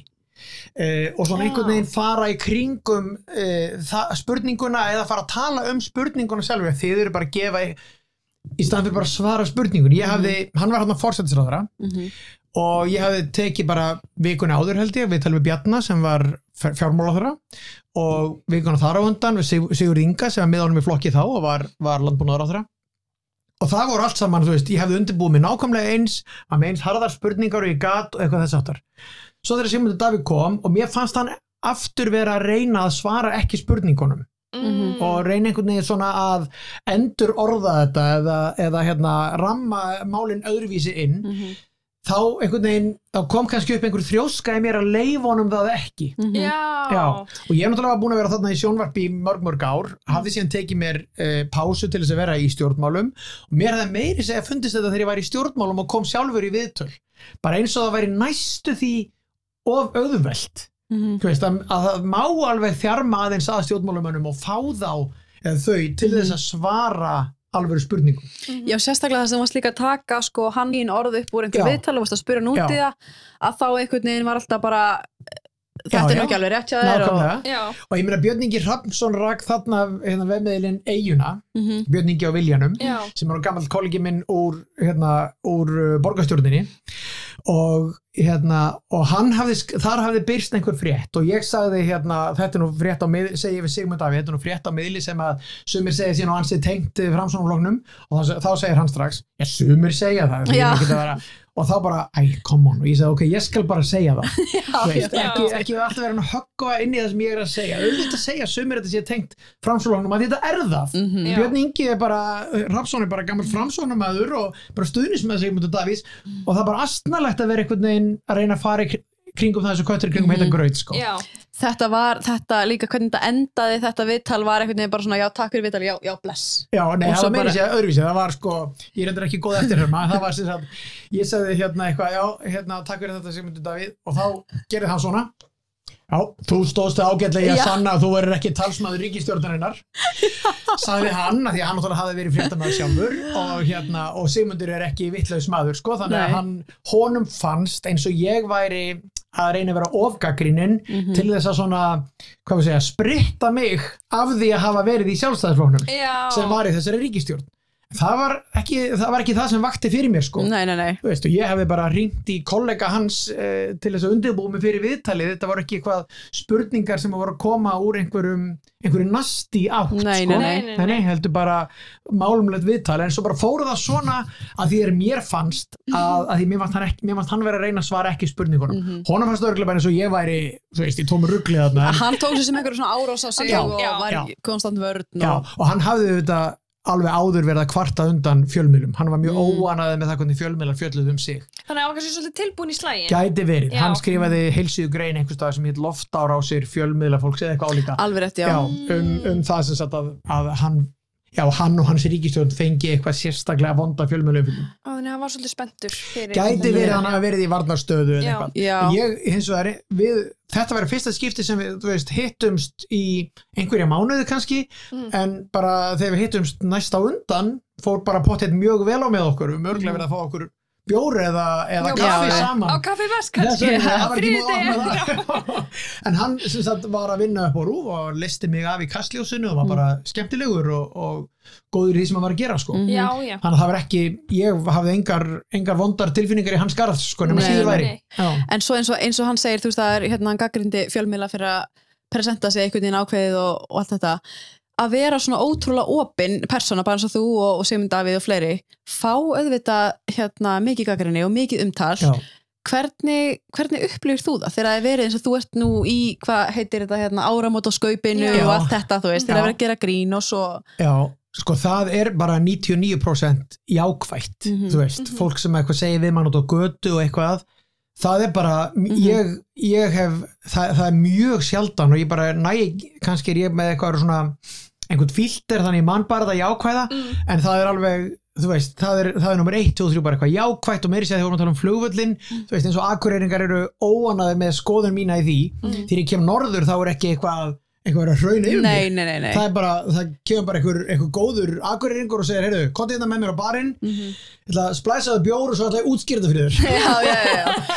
og, allt, já, já, og alltaf bara næs og málmulegt og, og ég veit alveg, þú veist, ef ég er með einhverja skoðanir sem eru umdeildar og þú veist, ég er svona frekar á móti mikill í bílaumferð og það eru náttúrulega 91% allra eru á bíl þú veist, ég er á móti að fólk sem er hjálma á hjólum og 91% allra halda þessi gott að vera með hjálm þegar þú ert á hjóli og ég veit alveg af því að ég er með svona skoðinir sem að fullt, fullt af fólki finnst fáránlegar Býtu, þú vilt að maður sé ekki með hjálm á hjóli? Já, það er að segja, ég vil, að- ég vil nummer 1, 2, 3 og það sé ekki skilda að vera með hjálm á hjóli Ok. og ég vil meiri segja, ég er alveg á móti þessi fyrir að seima fólk fyrir að vera ekki með hjálm á hjóli Mhm. Eh, ég meina þið bygguðu köpun, það er lengið með hjálm þar, það Nei. hefur hvergi tekist að ná upp almennum hjólreiðum með því að vera á sama tíma með rosalegan hjálma áróður Mhm. hvort sem það er lög, löggilt að vera með hjálm eða bara endalust svona vera að seima þá sem er ekki með hjálm Mhm. það er ekki hættulegt að hjóla ef þú ert á bara, þú veist, fyrsta lagi á svona eins og dönsku hjóla sem þú situr upp réttur ferði ekkit mjög hratt, ég myndi að sjálfsögðu vera með hjálmi og vera á racer eða eitthvað svoleiðis Já. Mhm. bara hjóla hratt en ég hjóla bara rólega en þegar ég er á hjóli þú veist, þá kemur einhver á Toyota landkursöndum sínum hefur fyrir því að skrúa niður gluggan og öskra á mig, hvað er hjálmurinn og ég er bara eitthvað að hjóla veist, heima frá mér á Vesturbann og í bæ Já, á, þú veist, Sakleysið 15 þínu. ég skokka hraðar heldur Já. hjóla jésus og er ekki með til í skokka. Þannig að þetta er svona klassíst, þú veist, ég hef eðilagt svo mörg partí með því að byrja að tala um þetta. Að því að þú veist, mér læknar sem hafa tekið að móti fólki sem hefur dottið illa og eitthvað bara eru, en þú veist, er þetta eitthvað, er eitthvað að þér? Þú ert fyrirmynd og þú mátt ekki vera að tala svona en þú veist, þannig að þegar maður er með svona skoðunir sem eru kannski umdeildar Mhm. uh, og eins og í öllum sem borgarmálum, þú veist, ég vil, ég vil þétta byggðinu, ég vil flugullin í burtu og allt þetta Mhm. þá verður maður auðvitað að vera opinn fyrir því að fólk vilji ræða þetta Já, algjörlega Einmitt. Það er einmitt að þú ætlar að hafa sterkar skoðanir á einhverju Já. þá þarf maður að vera svolítið opið fyrir því að maður fái gaggrinni Já. En yfirleitt einmitt eins og þú varst að eins og þú varst að segja hérna veist, eins og fólk spyrir mig ofta þessar spurningu regla bara hva, hvernig líðið með að fólk sé að gaggrina þig Já, það er miklu meira á kannski netinu og síðan þú ferð einhver þá ferðu miklu frekar hrós og bara Já. útskýringu á gaggrinni Já, ég, mér finnst til dæmis það sem þið hefur verið að gera hérna, algjörlega stórkostlegt og ég myndi segja við ykkur við myndum hitta ykkur á förnum vegi. Mhm. og menn, menn búast ekki andar að segja við því að það er það sem gerist. Mhm. Nei, en, en hérna, en já, þetta er svo hef ég náttúrulega verið svolítið lengi uh, í sviðsljósi einhvers konar, ég menna maður er í framhaldsskóla og, og þú veist þá hérna treðum maður sér í einhver embætti og er áberandi eða ræðuliðið eða eitthvað Mm. og þó, þá er náttúrulega heimurinn manns er bara Vestló Mhm. Já. eða þú veist framhaldsskólanir og, og hérna og ég var þú veist örglega þekktur þar innan Vestló og kannski einhver annara skóla svo kemur maður í háskólan og ég var formað vöku þar og eitthvað í stúdentapólitík og eitthvað þannig að það var aldrei eitthvað rosalegt stökk Nei, fyrir nei, nei. mig að hérna, sitt nú þekkir fólk mig þú veist, mér ég hef bara verið, þú veist, aktífur í alls konar svona félagsmálum Mhm. alltaf og, og mér finnst einhvern veginn sjónvarp og borgarstjórn vera næstu svona hluti af þessu. Mhm. að vera að taka þátt í samfélaginu. Og vera bara opinn fyrir því að hérna, auðvitað hef fólk skoðun á mótið þínu skoðun og það er bara frábært. Já, er bara frábært. bara- og ég er náttúrulega nánast í þeim bransa í þessum borgarmálum Mhm. að reyna að færa rauk fyrir því að við ættum að skipulegja borgina svona en ekki hins einn og sem betur fyrir engin einn flokkur sem er algjörlega sammála mér Mhm. þannig að ég er ekki flokkspólitískur hvað þetta varðar sko Nei, nei, veist, Mér finnst allir flokkarnir í borgarstjórn vera alveg hræðilega bíla miðaðir og vera að Já. dreifa byggðinni og vera að gera þetta allt saman vittlust sko. En hvað hann það, svo stóra spurningin hvenar kemur borgarlínan? Það er mjög góð spurning Já. og ég, sko, í byrjun, sem er klassíkt svona, sko, í byrjun var ég mjög óanæði með borgarlínuna og tweetaði mitt eitthvað um það að það væri bara strætó með varalit og eitthvað svona. Já, Já, því að ég vildi sko léttlest, ég vildi á teinum. Já, Já, Mm. uh, og var mjög óanaði með þetta kerfi af því að ég vildi miklu dýrara og stærra kerfi. Þú veist, það væri, mér mást að vera meira commitment, meiri skuldbytting af hálfu hins ofinbera að setja teinana í jörðina. Mhm, ok. En á meðan að borgarlínan það er, þú veist, ef það kemur smá hrun eða eitthvað, að þá verður strax skorið niður í stræt og þannig að verða bara veist, færri ferðir Já, og, og farið og færri staði. En ef þú ert með teinana í gödunni þá er bara ólíklegra að það verði hætt við. Mm. sem er í fjárfesting. Já, Já, og, og síðan líka bara betra sístem mhm, þú veist, það bara, þú veist, það er hérna þægilegra að vera í léttlest heldur en í strætó og svo framvegs en svo var búið að taka ákvörðunina og ég hafði bara tapað í þessu debatti og ég var ekki lengur inn í borgarstjórn ég var bara, ég var bara að rífast á Twitter. Já, Já, þá Sem margir hérna, já, já, og þá hérna þá sagði ég bara ok, þá stiði bara þetta náttúrulega, þetta er, þú veist, það er búið að taka þessa ákvörðun og þetta er klárlega frábært með við núverandi kerfi. Þannig að hérna, ég, ég vildi óska að ég væri með eitthvað svona, væri örugur um að það væri komið 2025, en ég er það ekki Nei, Nei. ég gæti alveg trú að þetta tækja langa tíma mér finnst ríkið vera ferlega svifa seint í þessu og það var bara fyrir fjórum ári sem þau voru ennþá að segja eitthvað, það veit nú enginn hvað þessi borgarlína er eitthvað svona, algjört bull sko. Mhm. en vonandi kemur hún bara fljótlega því að ég mun nýta hana mjög mikið Mhm. og Reykjavík þarf alvöru almenni samgöngur, það er engin þó svo ég, ég nota strætó mjög mikið Mhm. þú veist, 11 stoppar bara í Vesturbænum rétt hjá mér við, alveg við melaskóla og stoppa síðan beint fyrir utan rúf þannig mér finnst bara absúrt að eiga bíl þegar ég get bara haft engabílstjóra sem að skutla með svona og ég er bara þú veist, í símanum og leiðinni og svara einhverjum e-mailum og eitthvað, bara algjör já, luxus hvað tekur langa tíma? hvað, ég meina, ég tek, já, jú, ég veit nákvæmlega hvað það tekur langa tíma, Já. vegna þess að ég tek strætóin sko, þú veist, ef ég er að mæta á slæginu, þá get ég tekið 9.40 og ég er komin akkurat á slæginu 10 upp eftir. Ok, uh, en þá á ég vissu eftir að lappa þú veist, ég, ég verður svona 5 mínútum og setn á fundin og hann, Ok. já, en þá er þess að hann kemur 20 mínútur í. Já, ok, Já. það er svo 20 myndur Þetta er 20 mínútur á leiðinni upp eftir. það, það er ekki neitt, það er ekki neitt. Nei. og þetta er ekki einu sinni neinn hraðleð þetta er bara gamla góða 11 Ok, já, eina sem væri kannski vesen er að ef þú værir ofseitt í strætóin þá þurftur að býða í einhvern hálftíma. Það er rétt. En náttúrulega appið er svo fínt með það. Ég sé hvar hann er veist, og þegar hann er að beigja upp hófsaldagötuna og ég náttúrulega fer alltaf á kaffi vest áður en ég fer næmir í kaffi sem ég tek með mér.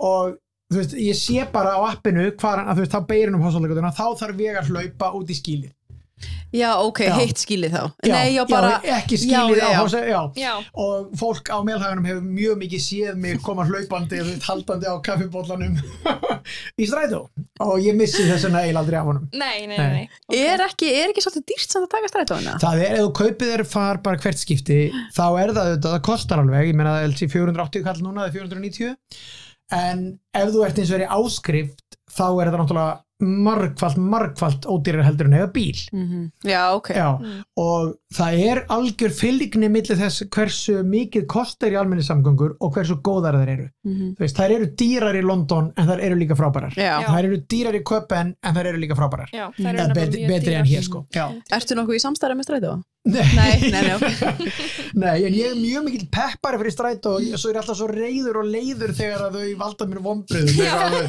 fellur niður ferð eða eitthvað og ég mættur með kaffeballan og bara nei, really, eitthvað en hvað þá? þú veist að niður ferð? Já, þá, þá er sendur vagn eins fljótt og hægt er. Þá hefur bara einhver bilað eða Já, þú veist í snjó, það var bara festst eða eitthvað, en Þú strætó er snjónum. 95% bara on time. Og náttúrulega mjög mörg skíl eru komið rauntíma upplýsingar Já, það er Þú nefnilega, veist, það er frábært. Já, þar sem það sé Það bara er kærkomið. næsti vagn kemur. Ég man, þetta er náttúrulega, þetta er í Danmarku já, sko? þetta er í köpun, já, já, já. Og þetta er nefnilega, var svolítið kærkomið hérna Já, á Íslandi. Já.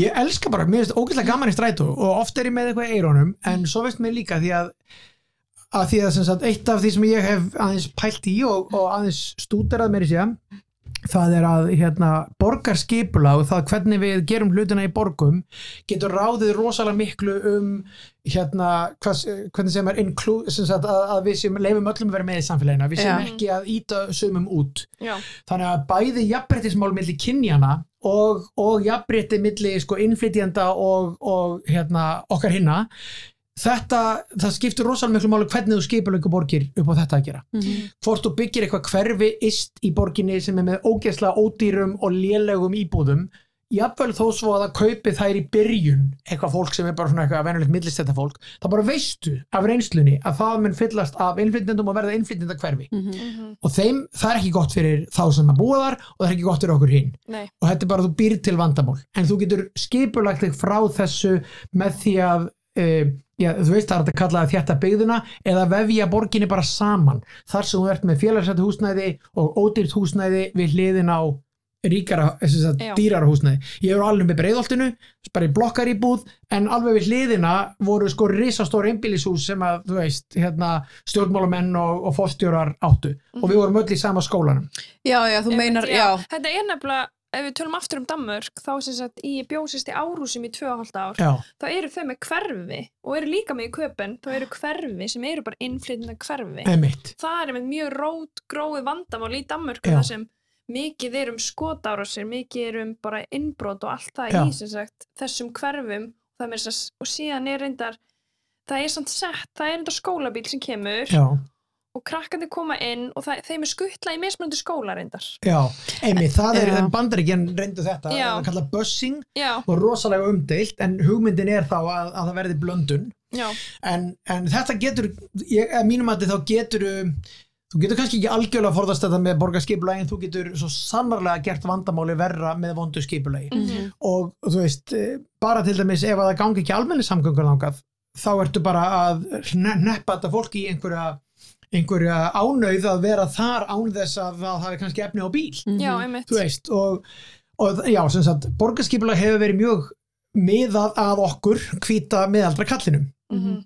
Og, og hérna og með því að hugsa borgarskipulag öðruvísi þá held ég að við getum laga þjóðfélagi svolítið mikið. Og ég fór að tala um þetta út frá strætó. Já, að mér finnst svo gaman að vera í strætó því að þar sér maður svolítið því raunverulega Ísland. Já, uh, hérna þú veist það er bara hérna, fólk frá ótal þjóðum í strætó og þau eru að tala saman á ótal tungumálum og eru að þú veist að- á leiðin í vinnuna eða eitthvað. Og ég mitt hef, ég þekki fullt af pólverum og enginn er á bíl þannig að þau lifa einhvern veginn í öðruvísi rithma heldur en hér að því að við föttum kannski ekki það hvernig það að eiga bíl gerir þig svolítið öðruvísi heldur en Mhm. marga aðra hérna Mhm. og eins almenningsgarðar að því að fólk kannski býr í litlum íbúðum sem eru ekki með garða og, og hérna, jafnvel ekki með e, svalir og eitthvað svona þá eru almenningsgarðar rosalega mikilvægir almenni sundlaugarnar líka Mhm. og ekki sé talað um skólan og heilbyrðiskerfið að Mhm. allir hafi aðgang að þessum innviðum, Mhm. bara rosalega mikilvægt Mhm. Og ég er með að lesa bók núna sem heitir Ósýnilegu konurnar, held ég frekar en bara konan sem að tekur fyrir sko borgarskipulasmál og jafnbreytismál og, og hérna í gamla daga voru náttúrulega bara göngustíðarnir voru ekki einhvern veginn ruttir Er það frá bara Ísland? Nei, Já, nei, kona. Invisible, Invisible Women heitir þetta Já. Já. og er bara eftir einhverja konu sem er útlensk og Já. þetta er ensk bók og vinkona mín bara gaf mér hana því hún hafi sérst, ég var með fyrirlestur sem hétt Sex and the City og var semst um kynferði og borgarmál já, Ok. ok Já, ég meni til dæmis öll undirgangi gamla daga voru ekki eins og með henni um rampi heldur bara tröppum og Mhm. samt sem áður voru það konur sem voru að fara onni í þessu undirgöng til þess að, að því að þær voru ekki mikið á vinnumarkaðanum og kallar Mm. en kallar hönnuðu undirgöngin en höfðu ekki eins og ramp heldur bara tröppur Já. af því að þeir voru ekki aldrei með henni að barnavagna eða, og þeir voru ekki í hjólastól og eitthvað þegar þeir þurftu að komast Já. þannig að það var karl miðað skipula sem henn hugsaðu bara að svo bara gerum við svona eitthvað undirgöng hér þar sem að fólk getur komist en hugsaðu málið ekki til enda Nei. Ótal dæmi um þetta annað er bara sem allir þekkja ameríska drauminn Mhm. Þú veist, hvenær kemur hann í bandaríkjunum? Einhvern veginn eftir stríð. Mhm. fyrir stríðin, þú veist, 1910 og 20 þá byggu konur og menn bara í miðborgum. Mhm. þú veist, borginna voru bara litlar og voru mjög þéttar. Kall, þú veist, konur voru ekki komin út á vinnumarkað þannig að kallið fór í vinnuna en konan gætt lappað út, farið til kaupmannsins og slátrar hans og kifta það sem þau þurft að kaupa, tekið um út krökkum þegar þau kom úr skóla og hitt vinkonur sínar þú veist, á þessuna bístrónu til þess að fá sér rauðvín Mhm. er bara þarna í miðbænum Já. svo fær einhver kall þessa frábæra hugmyndu um ameríska drauminn flytjum fjölskyldunar út í uh, hérna, útkverfi, setjum svona hvít uh, rimla hérna, girðingu í kringum það, það var bara einn bíl á heimilinu, kallinn fór, þetta er bara svo matmenn þáttunum, Já. kallinn fer á bílnum á mótnana, konar er ekki með neitt bíl heima hún er bara föst þar við eldavélina Og þú ert ekkert mikið að lappa hjóla Nei, í bandaríkjum? það var ekkert í þessum hverfum Mhm. ekki búð, ekki neitt kom skólabíl og sótti krakkana og þetta er náttúrulega, þú veist Desperate Housewives eitthvað svona og Stepford Wives það voru gerðað marga bíómyndur um þetta þetta var auðvitað ömrulegt Mhm.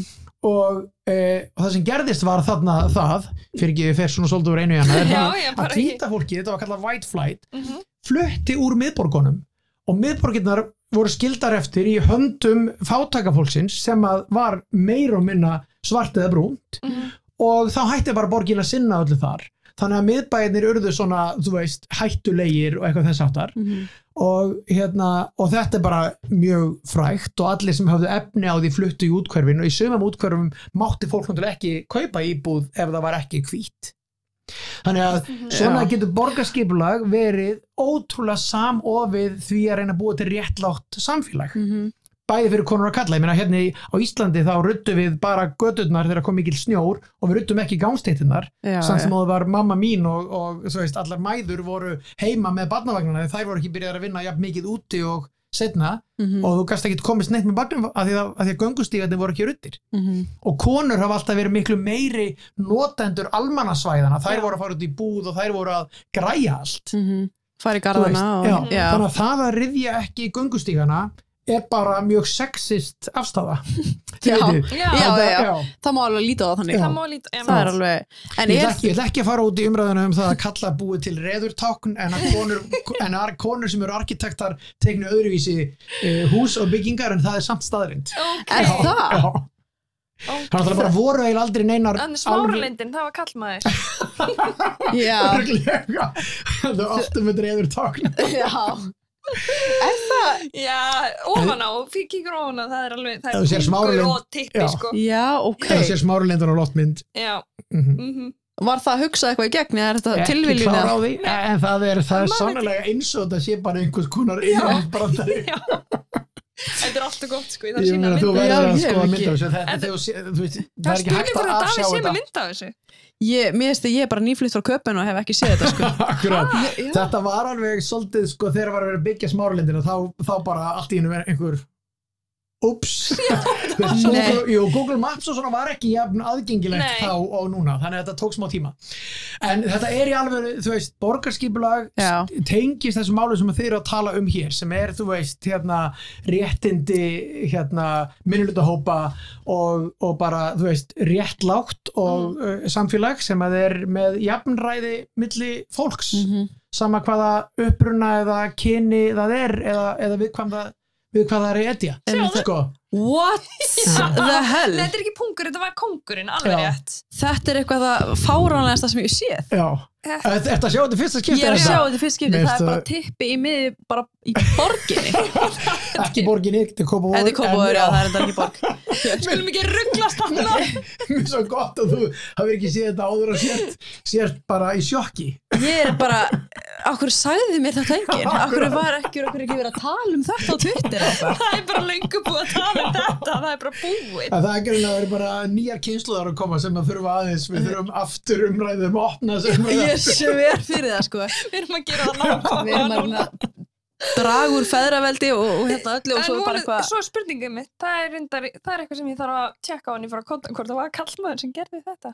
ég er eiginlega vissum það hlýtur sko. að vera. Sko konur áttu bara lengi erfitt uppdráttur í arkitektastjætt Já. þær voru fáar og fengu ekki stóru verkefnin Mhm. og með stóru á ég við mitt alls konar Mhm.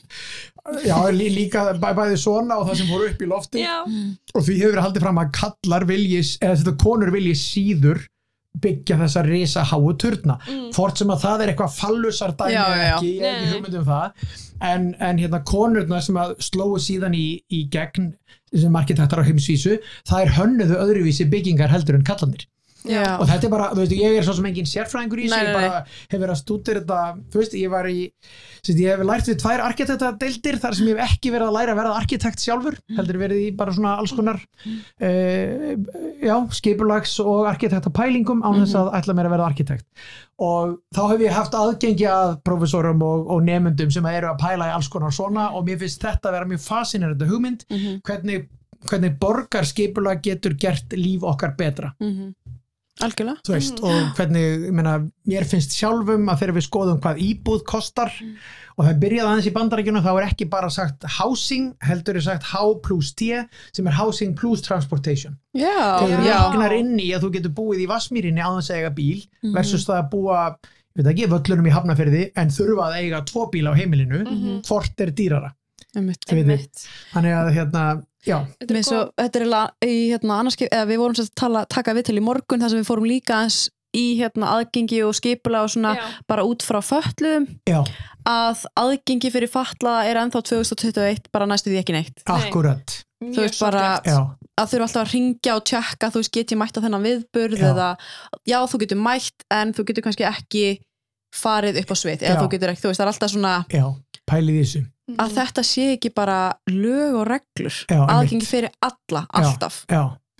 Algjörlega Þetta er og bara- þetta er náttúrulega þetta er að komast á í sem sagt e, í lögum og svona og regligerðum en, en þetta er ekki alveg, þú veist, ég meina hvað er búið að byggja margar íbúðir á Íslandi frá upphafi versus hvað er búið að marg, byggja margar frá því að samþykkt? Já. Veist, þannig að þetta verður alltaf rosalega mikill munur þó svo við setjum brjálað effort í það núna að snúða þessu við Mhm.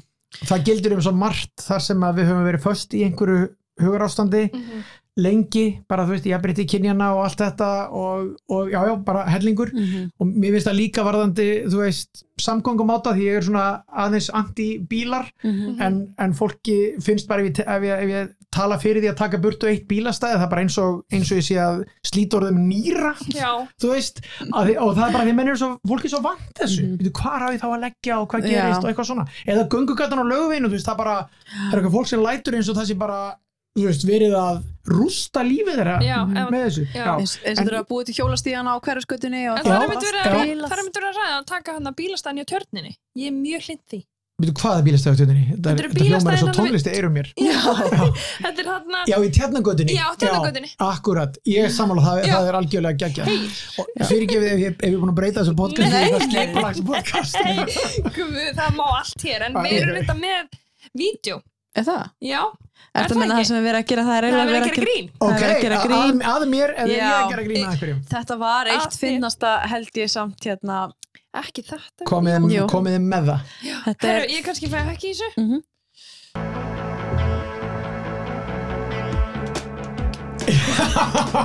Komið þið sæl og verið velkomin í vikuna með mér. Við erum komið góða gesti, það er grínari, þingkona og, og maður utan að landi. Hvað svona bar hæst í vikunni hjá ykkur? Þetta var áramótaskaupið, það Við ekki? erum náttúrulega verið að reyna að leysa vanda söðfjórbænda. Já, já, uss, uss, þetta er ekki skemmtilegt. En já, já, já, já, við erum komið með annan gest í, í sett og hann er mikilvægir en þið og því situr hann ekki hérna hjá ykkur, heldur hérna hinum með við mig og þess vegna ætla ég að snúa baki í ykkur núna.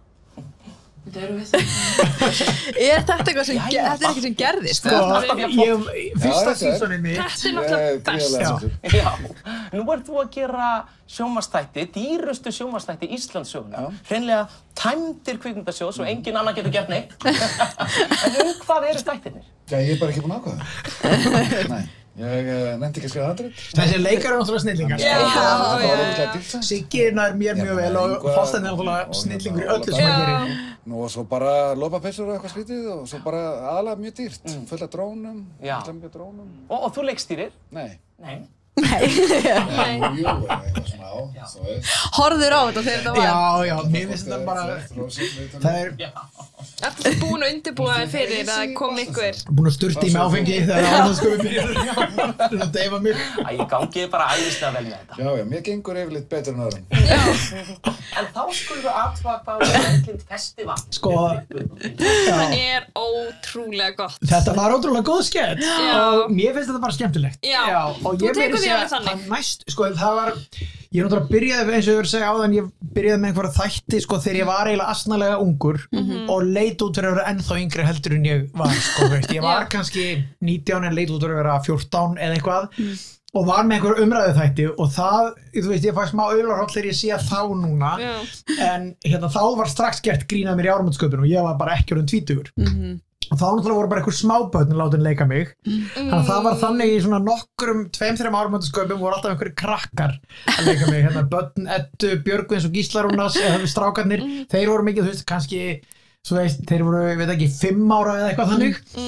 Og svo fannst mér algjör sigur þegar, þó svo ég hefði kannski átt að taka því persónulega, þegar að sko loksins var fullorinn manneskjarn að leika mig þá var það Ilmur Kristjáns Þannig að það var kona að leika mig það, en þú tókst þessu aldrei nær ég, ég var bara rosa, nei nei, aldrei. Og, Nei. ekki, og ég, meni, ég myndi alveg segja ykkur það ef ég hefði gert Já. það. Mér fannst alltaf bara smá gaman og ekkert einu sinni lúmst gaman. Ég var alveg og ég, já, ég er alltaf, þú veist, dóttir mín og ammælu á gamla stað þannig að það er alltaf smá svona partí hjá Mm, okkur. fyrst var alltaf badnaðamili yfir allan daginn og svo kom fjölskyldun og var með okkur um kvöldið. Þannig ég er alltaf í stórum hópi að horfa. Mhm. Og öllum finnst þetta gaman þetta hefur heldur aldrei verið nasti sko Nei, nei. Veist, það er ekki að grínað mér, ég átti mig alveg á því og það er einhverju taktar sem ég svo, oh, asnalegur er ég eitthvað svona en, en ekki þannig að ég mér sárnar ekkert sko. Nei, nei. Við þess að finna þess að uss, uss, uss, uss. Já, akkurat. ég, ég er svo meðvirkur spyrill líka þú veist og ég sé alveg að hann nær því veist, Það er enda bara fínt. já, Já, þetta er bara í Var ringi? Já, Já, já, þetta var ógeðslega skemmtilegt. Ég var hugsaði, ég hugsaði með þegar ég sá þetta ætli, ætla hann sé að taka þessu næri sér Já. eða er hann bara að hlæja að þessu? ég er algjörlega að hlæja að þessu og svo var tíðanbili var sko æskuvinu minn að leika mig sem var líka gott og svo kemur Siggi og hann er svona nær mér best af öllum sem Já, að já, já. prófa þetta ótrúlega góð negla hann sko.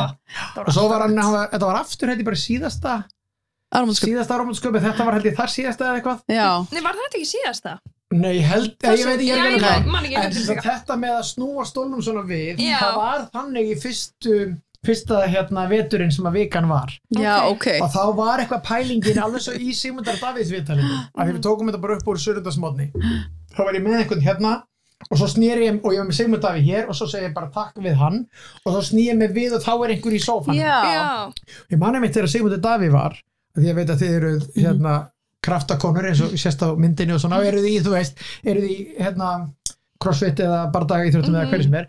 Þá var sko Gunni Nelson var næsti gestur. Já, ok. Og hann var svo ótrúlega næs hérna að hann sem sagt bara, við kláruðum bara viðtalið ég og hann og svo lappaði hann með mér inn í sminka því að hann bara bara kom með þér, sjá hvort það sé ekki allt í góðu. Hann var alveg svo ok í hvað ástandi er maður sem var inn í viðtalið ha, það.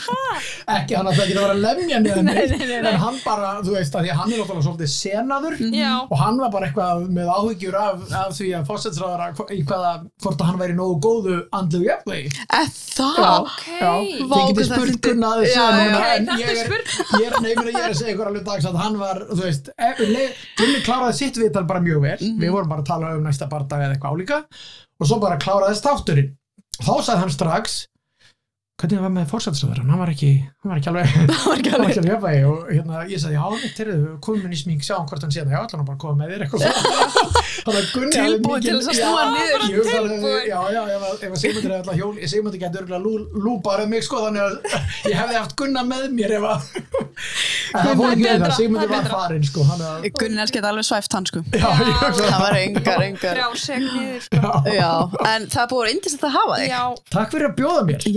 Þetta var ótrúlega skemmtilegt. Mjög gaman að koma. Er bara, með mjög gaman að fylgjast neður á Hvenær- Twitter. Hvernig byrjar vikan aftur? um, í byrjun september. Byrjum september, Já. frábært. Og þá er okkur kostningar í gangi og allt á fullu með nýju stjórnarskrána og allt þannig að Ok. vikan mun, mun fara lóðbeint í þau ef við málu öll Já, yes. Já. Þið takkir því reunion, þú og, þú og Sigmundur. aldrei að vita, aldrei að vita Gaman að fá þig. Þér. takk sem leiðis Herru, ég þarf að opna þess